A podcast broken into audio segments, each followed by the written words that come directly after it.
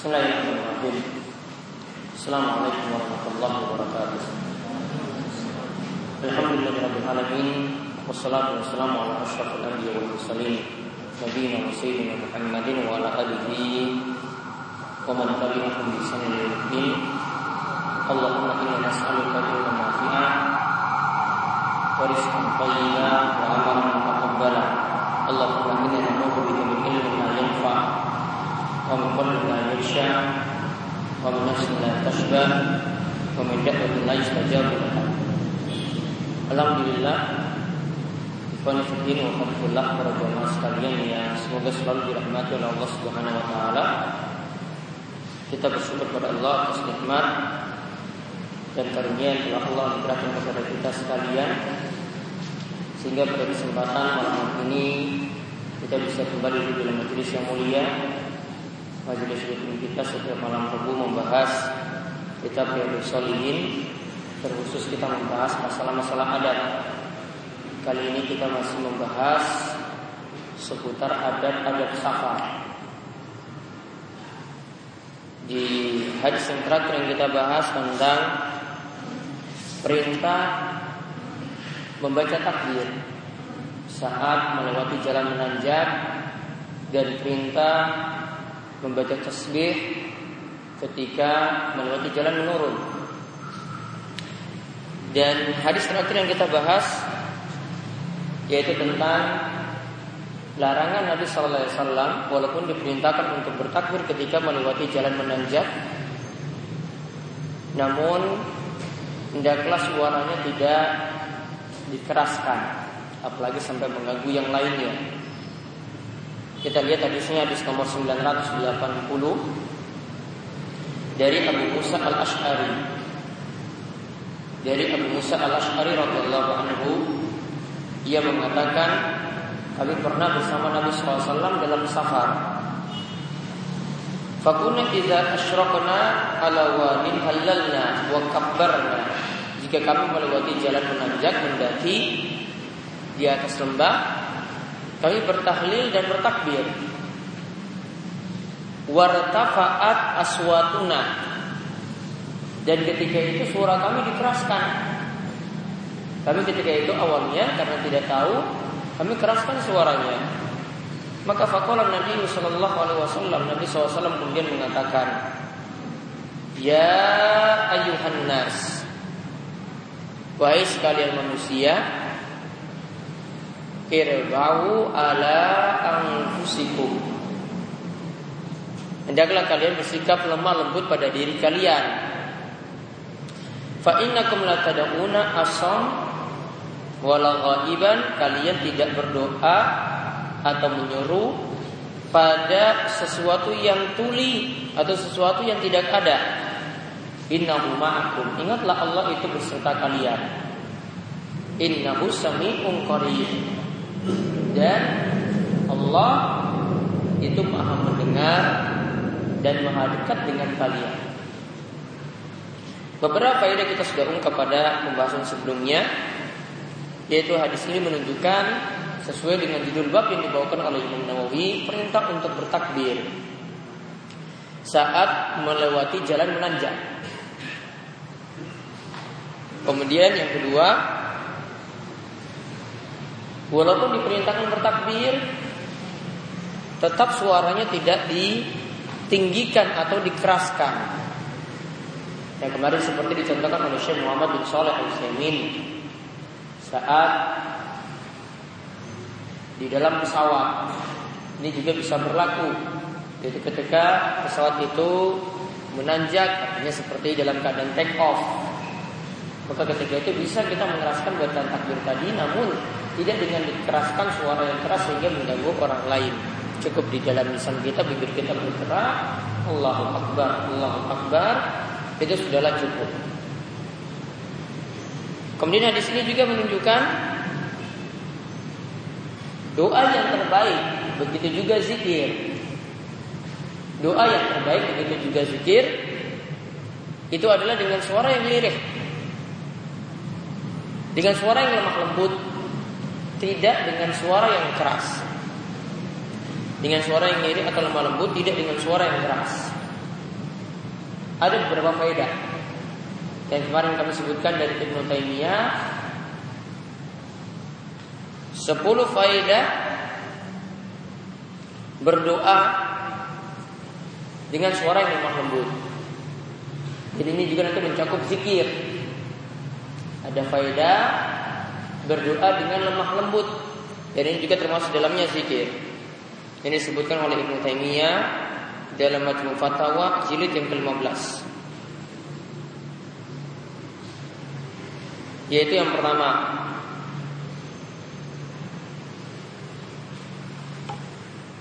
Faedah berdoa dengan suara yang lemah lembut, lirih, tidak keras Karena menunjukkan keimanan Seseorang pada Allah Ia yakin Allah mendengar doa yang lirih Dia yakin Allah mendengar doa yang lirih Lemah lembut Tidak keras Meskipun kita lirik pun Allah tetap dengar. Makanya menunjukkan keimanan yang benar dia kepada Allah Subhanahu wa taala.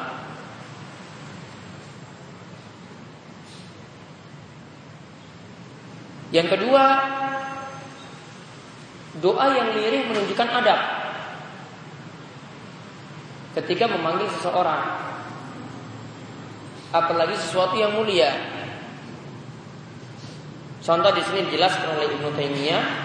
Hal ini dimisalkan kalau rakyat itu mendatangi pemimpin presidennya atau di hadapan raja.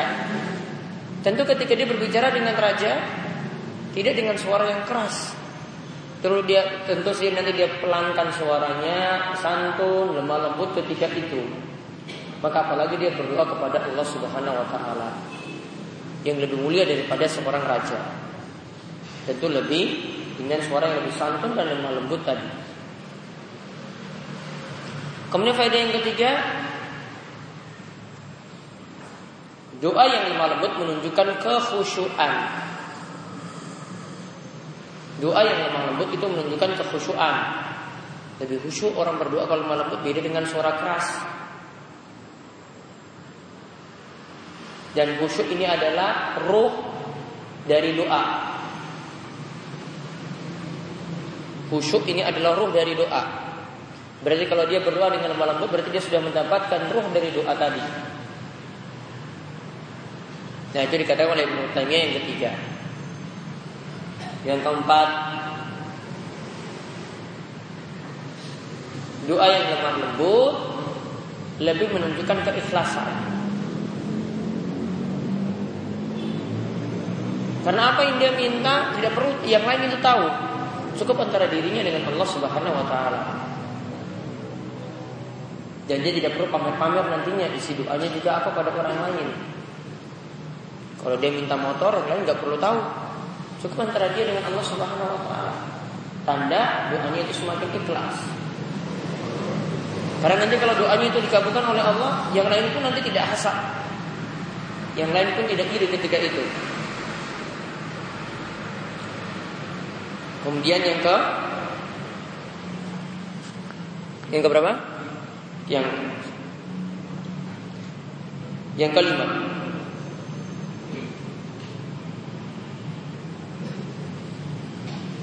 Yang kelima kata Ibnu Taimiyah, doa dengan suara lirih lebih mudah menghimpun hati atau menyatukan hati. Maksudnya nanti hatinya lebih konsen ketika itu.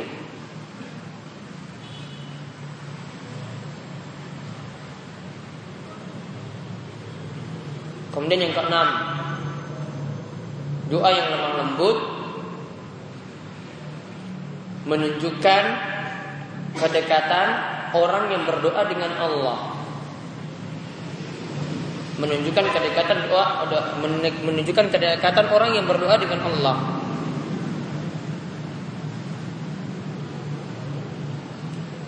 Itulah yang jadi pujian Allah juga kepada Nabi Zakaria ketika Allah Subhanahu wa taala berfirman, "Iznada rabbahu nidaan khafiyya." Yaitu ketika Nabi Zakaria itu menyeru Allah dengan doa yang khafi, doa yang lemah lembut. Ini tanda Allah sedang memuji Nabi Zakaria yang berdoa seperti itu. Dan kedekatan di sini yang dimaksudkan adalah kedekatan khusus. Bukan berarti Allah itu menyatu dengan makhluknya. Bukan berarti Allah itu dekat dengan makhluknya dan menyatu di dunia ini. Atau berada di dunia ini dengan makhluknya. Bukan. Di sini katakan oleh Ibnu Taimiyah yang dimaksudkan adalah kedekatan yang khusus, khas. Artinya ini hanya khusus untuk orang-orang yang beriman dan orang-orang yang sedang berdoa ketika itu. Artinya Allah akan lebih mudah mengabulkan doanya. Kemudian yang ketujuh Doa yang lemah lembut Itu akan lebih ajak Lebih kontinu untuk berdoa Karena tenaga yang keluar tidak besar Berbeda kalau teriak-teriak. Ya berbeda kalau ketika itu dia keluarkan suara yang keras. Maka tenaga lebih terporsi besar untuk berdoa tadi. Sehingga nanti dia waktunya singkat saja untuk berdoa. Berbeda kalau dia suaranya lirih. Maka waktunya nanti lebih eh, karena itu nanti lebih acet maka berdoanya nanti lebih lama. Kemudian yang ke delapan Doa yang lirih lebih selamat dari was-was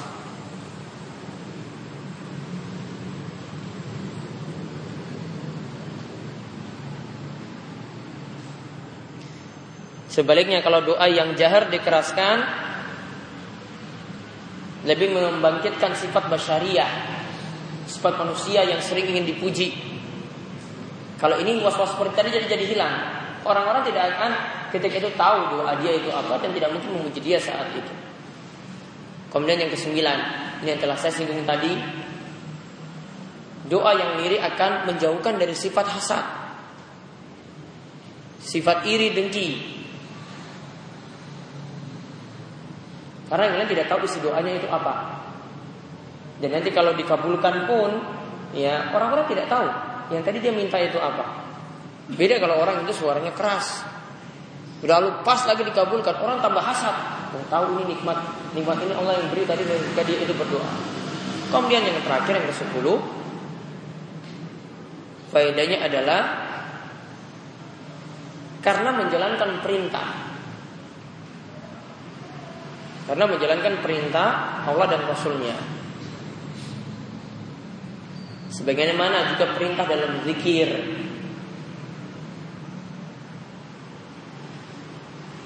Seperti yang Allah perintahkan dalam surat Al-A'raf ayat 205, "Wasqur rabbaka fi nafsika tadarruan wa khifatan wa dunal jahri minal qaul." Dan ingatlah kepada Rabbmu fi nafsika pada dirimu dengan penuh ketundukan dan khifah dan penuh lemah lembut dan tidak mengeraskan zikirmu ketika itu. Dalam zikir diperintahkan lemah lembut maka dalam doa juga demikian. Nah, itulah yang dikatakan oleh Ibnu Taimiyah 10 faedah dari doa dengan cara lemah lembut atau doa yang lirik. Maka bersalahku juga untuk zikir kita tadi di sini. Lebih bagus adalah dengan zikir yang diri tidak dikeraskan. Kemudian hadis yang kita bahas juga disinggung oleh Nabi SAW ketika Nabi ingatkan para sahabat yang mengeraskan zikirnya tadi Innahu ma'akum Allah itu bersama kalian maka faedah yang bisa kita ambil Allah memiliki sifat ma'iyah kebersamaan Allah memiliki sifat kebersamaan atau ma'iyah.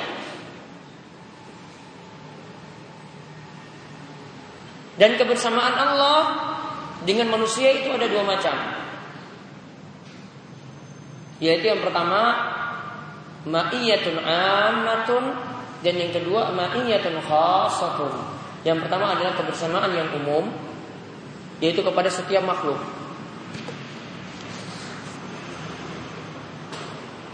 Itu maksudnya Allah mengetahui pekerjaan mereka, Allah mengetahui tindakan mereka, gerak-gerik mereka, Allah tahu. Sedangkan yang kedua, kebersamaan yang khusus.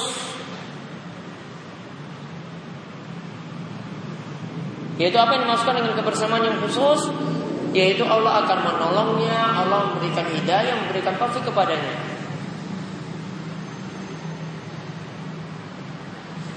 Dan khusus untuk hadis ini karena membicarakan tentang kita sedang menyuruh Allah berdoa pada Allah dan dimaksudkan adalah kebersamaan yang khusus. Innahu ma'akum. Allah itu mengetahui kalian dan nanti Allah akan menolong kalian kalau kalian menyuruh Allah. Namun hadis ini jangan dipahami kebersamaan yang dimaksud adalah kebersamaan yang ada di dunia. Artinya zat Allah ada di muka bumi ini. Tidak bisa dipahami seperti itu. Tetap zat Allah Subhanahu wa taala sebagaimana disebutkan dalam berbagai ayat. Bahkan disebutkan oleh ulama Syafi'i, ulama dalam mazhab Syafi'i, disebutkan oleh Imam Imam Zahabi dalam kitabnya Al-Ulu. Beliau katakan dalil-dalil yang menyebutkan ketinggian Allah di atas seluruh makhluknya itu bisa sampai seribu dalil. Ya bisa sampai seribu dalil. Jadi Allah tidak tepat dikatakan di muka bumi. Ini yang dikatakan oleh Imam Zahabi ini perkataan dari ulama Syafi'iyah. Maka kita pahami nas-nas seperti itu. Kita memahami dalil-dalil. Kalau dikatakan Allah menetap tinggi di atas ars, kalau Allah itu dikatakan fis di atas langit sana, maka kita pahami seperti itu. Terus dalil semacam ini kita katakan bagaimana? Allah bersama kalian. Maka kita katakan komprominya tetap zat Allah di atas sana, namun ilmu Allah bersama kita di mana saja kita berada. Bukan zat Allah. Inilah yang jadi keyakinan pokok yang jadi usul dari akidah al-sunnah wal jamaah. Siapa menyelisih hal ini keliru. Karena ulama mana pun ketika menulis kitab-kitab akidah mereka, mereka selalu menyertakan akidah ini, yaitu keyakinan Allah itu berada di atas sana, Allah itu menetap tinggi di atas arsnya. Allah di atas langit sana. Kemudian innahu sami'un qarib. Di sini jelaskan juga tentang sifat Allah. Allah itu maha mendengar. Sami, sifat sami bagi Allah di sini ada dua maknanya. Yang pertama, sifat sami yaitu yang kita maknakan dengan mendengar. Makna yang kedua, sifat sami yang maknanya adalah istijabatut doa, yaitu mengabulkan doa. Seperti yang para ulama tafsirkan ketika kita mengucapkan sami Allahu liman hamidah. Itu bukan hanya sekedar Allah itu mendengar mendengar ucapan kita, namun juga Allah mengabulkan permintaan kita. Karena kalau cuma sekedar mendengar, ya maka pengaruhnya kurang. Namun kalau kita katakan mendengar sekaligus mengabulkan berarti lebih dari sekedar mendengar. Dan sifat mendengar seperti inilah yang pantas bagi Allah. Kemudian hadis ini juga menunjukkan yang terakhir Allah memiliki sifat korib yang tadi saya sebutkan dari penjelasan Ibnu Taimiyah yaitu Allah dekat dengan makhluknya. Dan kedekatan Allah itu ada dua, ada kedekatan A umum dan juga ada kedekatan khusus. Kedekatan am umum artinya Allah selalu mengawasi manusia. Kedekatan khusus artinya khusus dengan orang-orang beriman dan orang-orang yang berdoa. Allah dekat dengan mereka ketika mereka beribadah. Allah dekat dengan mereka ketika mereka itu berdoa. Nah hadis ini hadis dari Abu Musa al Ashari ini adalah hadis mutafakun alaih diriwayatkan oleh Imam Bukhari dan Muslim. Nah itulah hadis yang terakhir tadi yang membicarakan tentang disunahkannya kita mengucapkan takbir ketika melewati jalan menanjak saat safar, baik dengan bis, kereta, pesawat. Kemudian disunahkan untuk mengucapkan tasbih subhanallah ketika melewati jalan menurun Kenapa kok ketika naik kita itu Allah Akbar? Karena kita mengagungkan Allah. Ber, itu pas dengan kita itu sedang menanjak. Jadi Allah ditinggikan, Allah dibesarkan. Kok ketika menurun itu mengucapkan subhanallah hikmahnya adalah karena ketika itu menurun berarti kita sucikan Allah dari sifat-sifat yang rendah. Nah kemudian yang terakhir tadi kita bahas walaupun diperintahkan untuk bertakbir semacam itu namun takbir tersebut tidak perlu dikeraskan dengan suara yang keras. Nah sekarang kita masuk hadis yang berikutnya, bab berikutnya, bab yang baru istihbabud doa fi safar disunahkan untuk berdoa saat safar. Maksudnya di sini diperintahkan karena doa saat safar adalah doa yang mustajab. Karena doa saat safar itu adalah doa yang mustajab, doa yang sangat dikabulkan. Hadisnya dari Abu Hurairah radhiyallahu anhu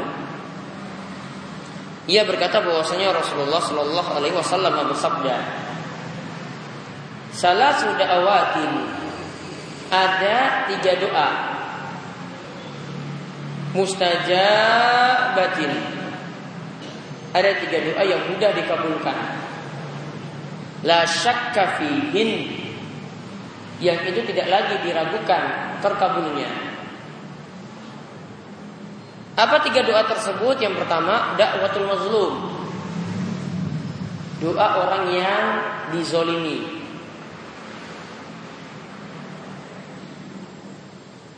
Kemudian yang kedua, wada'watul musafir. Doa seorang musafir yang melakukan perjalanan jauh.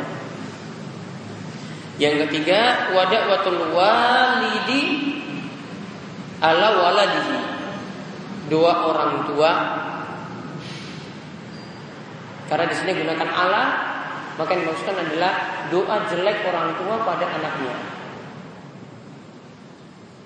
Dalam riwayat yang lain disebutkan dakwatul walidi li waladihi. Kalau pakai li artinya doa baik orang tua pada anaknya. Namun kalau di sini pakai ala artinya adalah doa jelek orang tua pada anaknya. Berarti doa jelek orang tua pada anaknya adalah doa yang mustajab. Hadis ini diriwayatkan oleh Imam Abu Daud oleh Tirmizi dalam jamiknya. Dan Imam Tirmizi mengatakan hadisnya itu hasan. Dan dalam riwayat Abu Daud tidak ada ucapan ala waladi. Doa untuk anaknya. Maka faedah yang bisa kita ambil dari hadis ini yang pertama ada doa-doa yang terkabul. Ya ada doa-doa yang terkabul dilihat dari sisi keadaan orang. Atau ketika dia posisinya dalam posisi seperti itu doanya terkabul. Dan ada doa yang terkabul juga dilihat dari sisi waktu. Seperti doa pada hari Arafah. Ya doa pada hari Arafah doa yang terkabul. Dari sisi waktu lagi menurut sebagian ulama pada hari Jumat yaitu saat waktu asar sampai waktu maghrib. Ini dipilih oleh Ibnu Qayyim. Namun ulama yang lainnya berpendapat pokoknya waktu Jumat secara keseluruhan adalah waktu yang mustajab. Tidak di sisi waktu. Atau saat hujan itu turun. Disebutkan juga dalam hadis doa saat hujan itu turun juga adalah doa yang mustajab. Tidak mesti di saat saat hujan pertama kali, pokoknya setiap kali hujan turun doa yang mustajab. Itu dari sisi waktu dan di sini dia dari sisi keadaan atau posisi seorang dia itu posisinya seperti apa. Maka di sini sebutkan ada tiga keadaan atau kedudukan. Yang pertama doa orang yang dizolimi.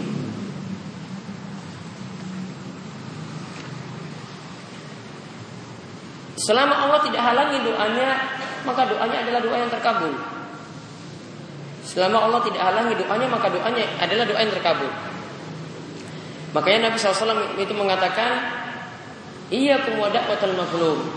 Fa innahu fa innaha bainahu wa bainallahi hijab. Hati-hatilah dengan doa orang yang dizolimi. Karena doa orang yang dizolimi di antara dia dan Allah tidak ada penghalang. Artinya bisa langsung dikabulkan. Dan Nabi SAW menjelaskan hal ini ketika menjelaskan tentang masalah pengambilan harta zakat. Cukup harta-harta yang penting saja yang diambil. Berarti jangan sampai merampas harta ya tanpa jalan yang benar. Jadi cuma asal-asalan narik saja. Hati-hati. Kalau orang itu diambil hartanya dengan jalan tidak benar kemudian didoakan jelek maka doanya adalah doa yang terkabul.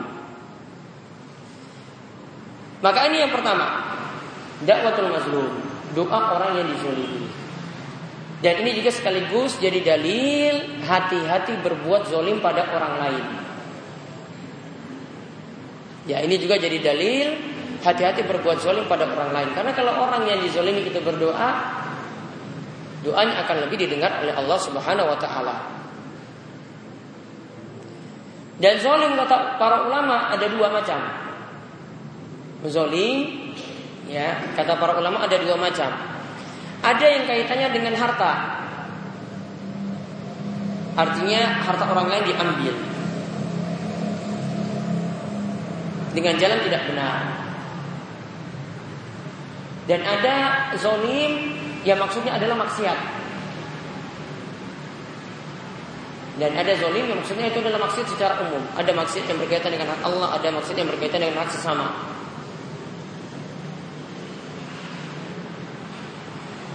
Namun yang dimaksudkan dalam hadis ini lebih dekat ke makna zolim yang berkaitan dengan harta.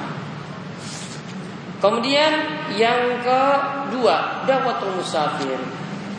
Doa seorang musafir. Yang dimasukkan dengan musafir di sini selama dia dalam safar dia itu berdoa maka doanya adalah doa yang mustajab. Selama dia dalam safar dia itu terus berdoa doanya itu adalah doa yang mustajab. Oleh karena itu Imam Nawawi mengatakan itu dalam kitabnya Al-Majmu' Syarul Muhadzab Yustahabbu lil musafir ayyad'uwa fi safarihi fi katsirin minal awqat. Disunahkan bagi musafir berdoa ketika dia safar di kebanyakan waktunya. Lianna da'watahu mujabatun karena doanya ketika itu adalah doa yang mustajab. Jadi terus-terus berdoalah pada Allah ketika seseorang itu bersafar.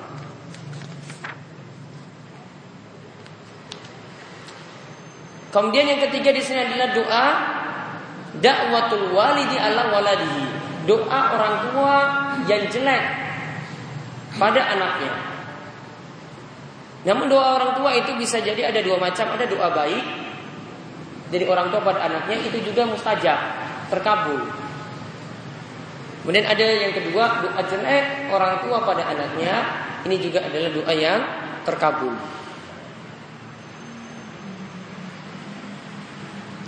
Dan yang dimaksudkan di sini kalau kita lihat dari hadis dakwatul walidi maka dimaksudkan adalah bapak. Doa bapak pada anak anaknya tadi yang jelek maupun yang baik adalah doa yang mustajab. Terus bagaimana dengan doa ibu? Kata para ulama, doa ibu lebih mustajab lagi. Ya, doa ibu lebih mustajab lagi.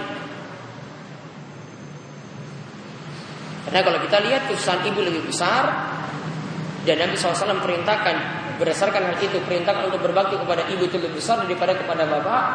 Maka tentu saja doa dari seorang ibu lebih utama untuk terkabul daripada seorang bapak. Karena kesusahan yang diperoleh oleh ibu tadi. Dan Nabi SAW perintahkan sekali lagi perintahkan kepada kita untuk berbakti pada ibu itu sampai tiga kali kepada bapak baru yang keempat. Maka doa dari ibu lebih mustajab daripada bapak. Ini dikatakan oleh Imam At-Tibi ketika menjelaskan hadis ini.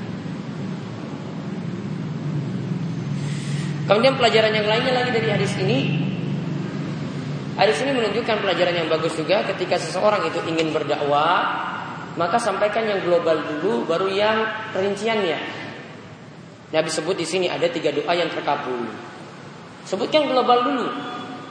Baru setelah itu sebutkan rinciannya satu persatu dakwatul mazlum, wa dakwatul musafir, wa keluar walidi ala waladihi. Sebagaimana juga dalam hadis-hadis yang lainnya misalnya Nabi sebutkan global dulu baru sebutkan rincian. Seperti hadis kalimatani Habibatani ila Rahman ada dua kalimat yang dicintai oleh Ar-Rahman Khaifatani ala lisan yang ringan di lisan untuk mengucapkannya sakilatani fil mizan yang berat di timbangan. Ini belum dirinci, baru disebutkan global. Baru Nabi SAW sebutkan rinciannya dua kalimat itu adalah Subhanallah wa bihamdi Subhanallahil azim. yaitu maksudnya Allah dan pujian untuknya maksudnya Allah dan maha besarlah Allah Subhanahu wa taala. Nah, itu tiga doa yang tidak diragukan lagi akan terkabul. Kemudian bab yang berikut yang kita bahas, bab 173 yaitu masih kaitan dengan safar mayad ubihi idza khafa nasan au ghairahu. Doa yang diucapkan ketika takut pada seseorang atau takut pada yang lainnya. Doa yang diucapkan ketika takut pada seseorang atau takut pada yang lainnya.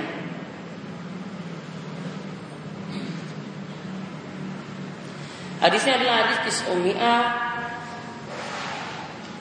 Sintain wa Samanun Yaitu hadis 982 Dari Abu Musa al-Ash'ari. Radhiyallahu anhu Anna Rasulullah sallallahu alaihi wasallam bahwasanya Rasulullah SAW itu bersabda Iza qauman. Jika seseorang itu takut pada suatu kaum Lagi jalan Kalau lewat tempat ini kok selalu takut? Lagi mampir suatu tempat Ada orang yang lewat kok takut? Maka bacalah doa ini kata Nabi SAW Doanya Allahumma inna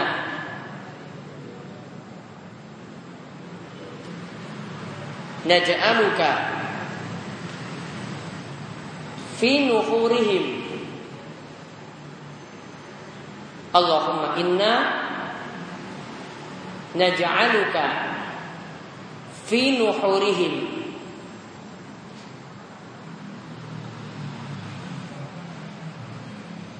Wa na'udzu bika min syururihim. Wa na'udzu bika min syururihim. Allahumma inna ya Allah aku memohon kepadamu supaya engkau menghilangkan kesulitan pada hati mereka.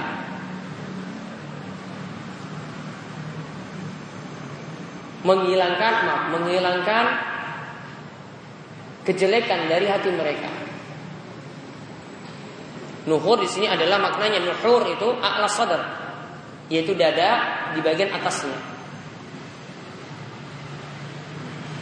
Wa na'udzubika min syururihim dan kami memohon kepadamu ya Allah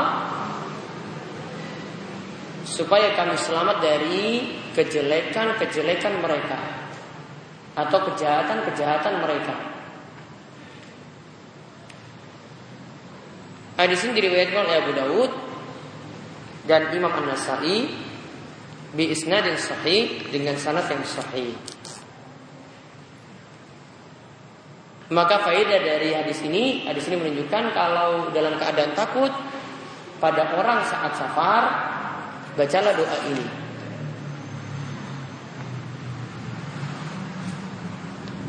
Kemudian faedah yang lainnya, hadis ini tidak berlaku saja pada saat safar. Kalau kita lihat dari keumuman hadis, menunjukkan di keadaan yang lainnya kalau takut pada orang lain, bacalah doa ini pula. Dan Imam Nawawi itu mengatakan bahwasanya boleh juga kita membaca doa yang lainnya. Seperti doa ketika kita mengalami kesulitan. Atau mendapatkan masalah berat.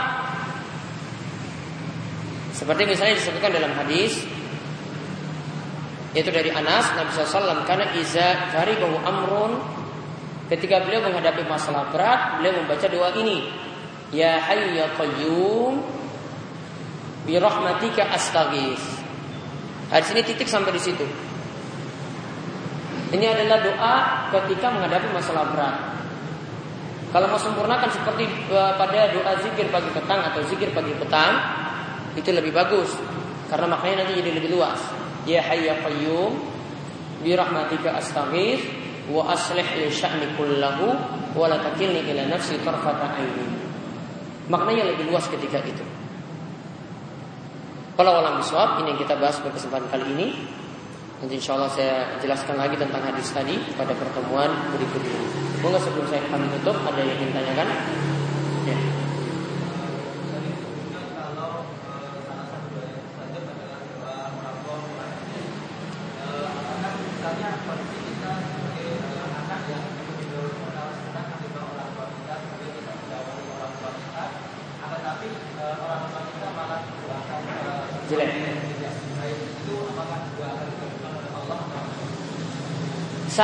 Doa tadi sebagaimana disebutkan dalam hadis yang lainnya selama doa tadi bukan berisi dosa dan bukan tujuannya untuk memutus silaturahim. Berarti kalau dia doakan itu karena memang anaknya itu salah, dia doakan jelek, maka itu bisa diijabahi.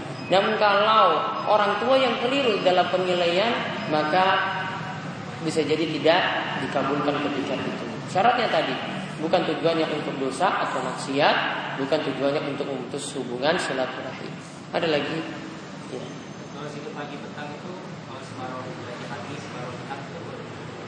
Zikir pagi petang kalau mau baca bisa sebagian atau beberapa saja boleh, bisa dibaca untuk paginya seluruhnya boleh. Petangnya ada bagian lagi yang berbeda, ada sebagian yang berbeda dengan zikir pagi. Nanti dilihat, dilihat rinciannya. Ada sebagian zikir itu yang ada cuma pagi saja, ada yang ada pagi dan petang, ada yang cuma di petang saja. Maka butuh ada perincian ketika membaca doa. Jadi intinya paling bagus baca semuanya. Ada lagi? Baik, itu saya yang bisa kami sampaikan. Mudah-mudahan bermanfaat. Insya Allah kita kembali membahas terhadap pertemuan minggu depan.